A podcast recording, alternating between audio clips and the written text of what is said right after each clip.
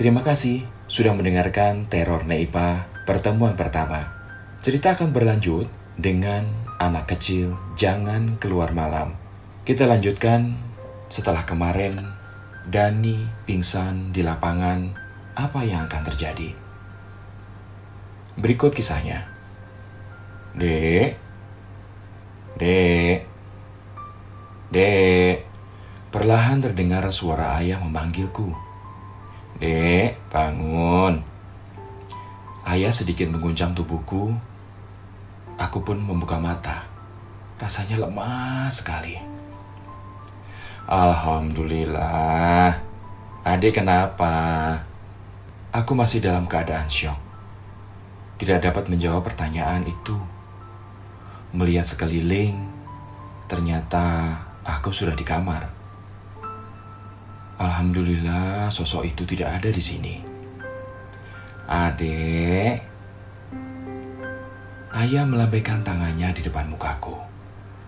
Tenggorokanku terasa sakit dan kering. Sehingga sulit untuk berbicara. Abah, sakit. Sambil memegang tenggorokan. Ayah meminta ibu mengambilkan segelas air. Minum dulu, dek. Abah, takut. Aku menangis dan memeluk ayah. Takut kenapa, dek? Nek Ipa, Abah. Nek Ipa, maksudnya? Tadi ada, pas main petak umpet di lapangan, Bah. Hah? Bukannya sudah meninggal? Iya, Ade tadi lihat, Abah. Ya udah, jangan takut. Malam ini Ade tidur sama Abah ya. Assalamualaikum. Assalamualaikum. Sepertinya suara Pak RT. Waalaikumsalam. Masuk saja Pak RT. Ibuku menjawab. Pak RT datang bersama Indra dan Surya. Eh, Dani teh sudah sadar. Tadi kenapa itu atuar?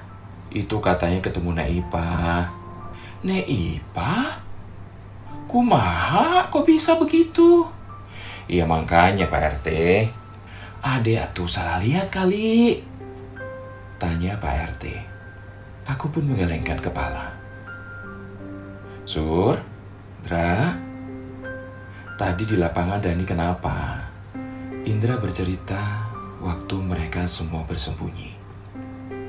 Tiba-tiba mendengarku berteriak keras sekali. Mereka kira itu hanya akal-akalanku saja supaya memancing mereka keluar dari tempat persembunyiannya. Katanya, teriakannya tidak berhenti, dan akhirnya mereka pun keluar dan melihatku sudah tergeletak di tanah. Kejang-kejang sambil berteriak. Ketika mereka sentuh, aku baru diam dan tak sadarkan diri. Fahrul berlari memanggil ayahku yang sedang ikut pengajian. Gara-gara kejadian itu, pengajian dihentikan sementara.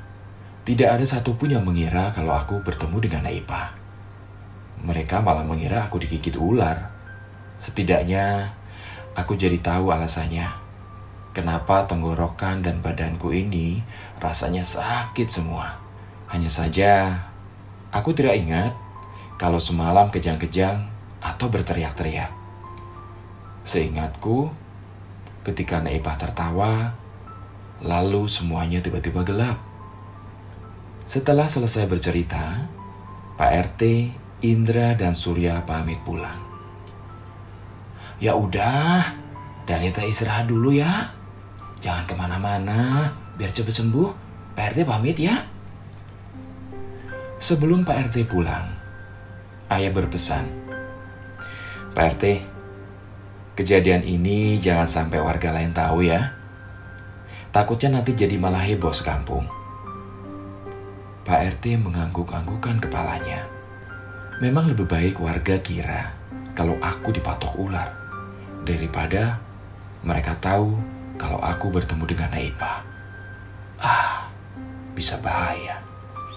Sudah pagi ternyata. Aku mencoba bangun dari kasur.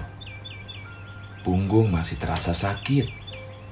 Leher dan pundak pun juga masih pegal.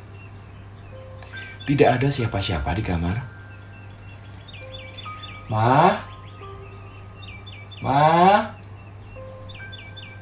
Ibu datang ke kamarku. Eh, adek udah bangun. Kak, ambil makan buat adek di dapur sana. Adiknya belum makan ini. Iya, Ma. Kakak membawakan semangkuk bubur hangat. Makan dulu nih. Ada-ada saja sih. Malam-malam pakai ke sana lagi. Sudah. Adiknya lagi sakit juga. Masih diparahin. Ibu menyuapi aku makan. Baru beberapa suap, aku malah muntah. Aduh, pakai muntah segala sih, Dek. Sakit, mah. Sakit mulai menangis sambil memegang tenggorokan. Ah, cengengnya keluar. Kakak, sana, ambil lap di dapur. Ibuku memarahi kakakku. Emang enak. Nanti siang kita ke dokter ya, Dek. Aku mengelengkan kepala. Ya udah, kalau gitu, Adek tidur lagi aja. Kalau masih sakit, besok jangan sekolah dulu ya. Seharian ini aku hanya berbaring di kasur. Lapar, tapi setiap kali makan pasti muntah. Malam harinya, tubuhku demam tinggi. Ibu berusaha mengompres aku dengan air mawar, tetapi demam tidak kunjung turun. Paginya ibu membawaku ke rumah sakit. Dokter bilang kalau aku terserang radang tenggorokan. Dua hari aku hanya berbaring di kasur, tidak keluar rumah. Merasa sudah baikan, baru aku diizinkan untuk bermain keluar rumah.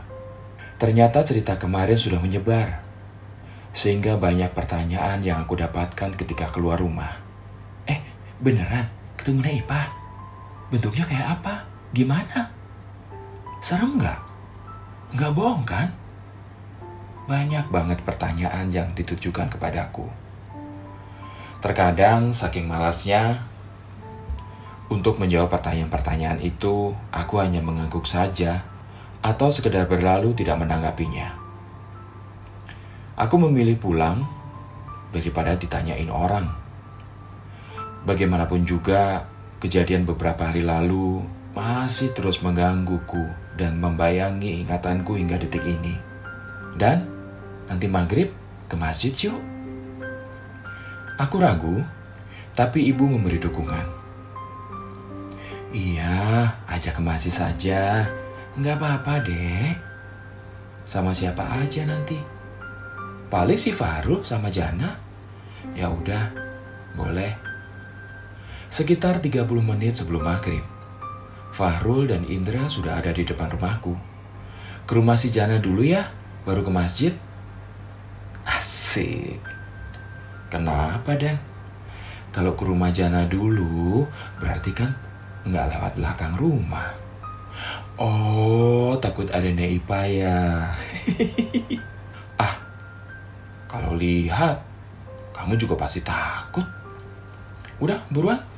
Malas bahas gituan. Kami berjalan ke rumah Jana. Jaraknya tidak begitu jauh, hanya terpisah lima rumah saja. Dari sana bisa melewati gang kecil di dekat rumahnya. Selain lebih dekat ke masjid, Setidaknya aku tidak perlu melewati belakang rumah. Apalagi lapangan. Hmm, serem. Kegiatan anak 90-an di masjid itu paling sekedar lari-larian. Sholat pun tidak pernah benar-benar khusyuk. Pasti ada adegan dorong-dorongan atau tertawaan. Sebagian jamaah yang merasa terganggu kadang menegur kami. Tapi tidak ada satupun dari mereka yang mengusir kami keluar. Sehabis Isya, Aku mengajak teman-teman lain untuk pulang. Soalnya kita mau nonton acara TV favorit. Balik yuk.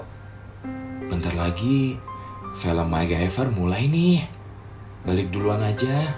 Mana berani dia balik sendirian. Nanti dikejarnya Ipa. Lagi-lagi Indra mengejekku.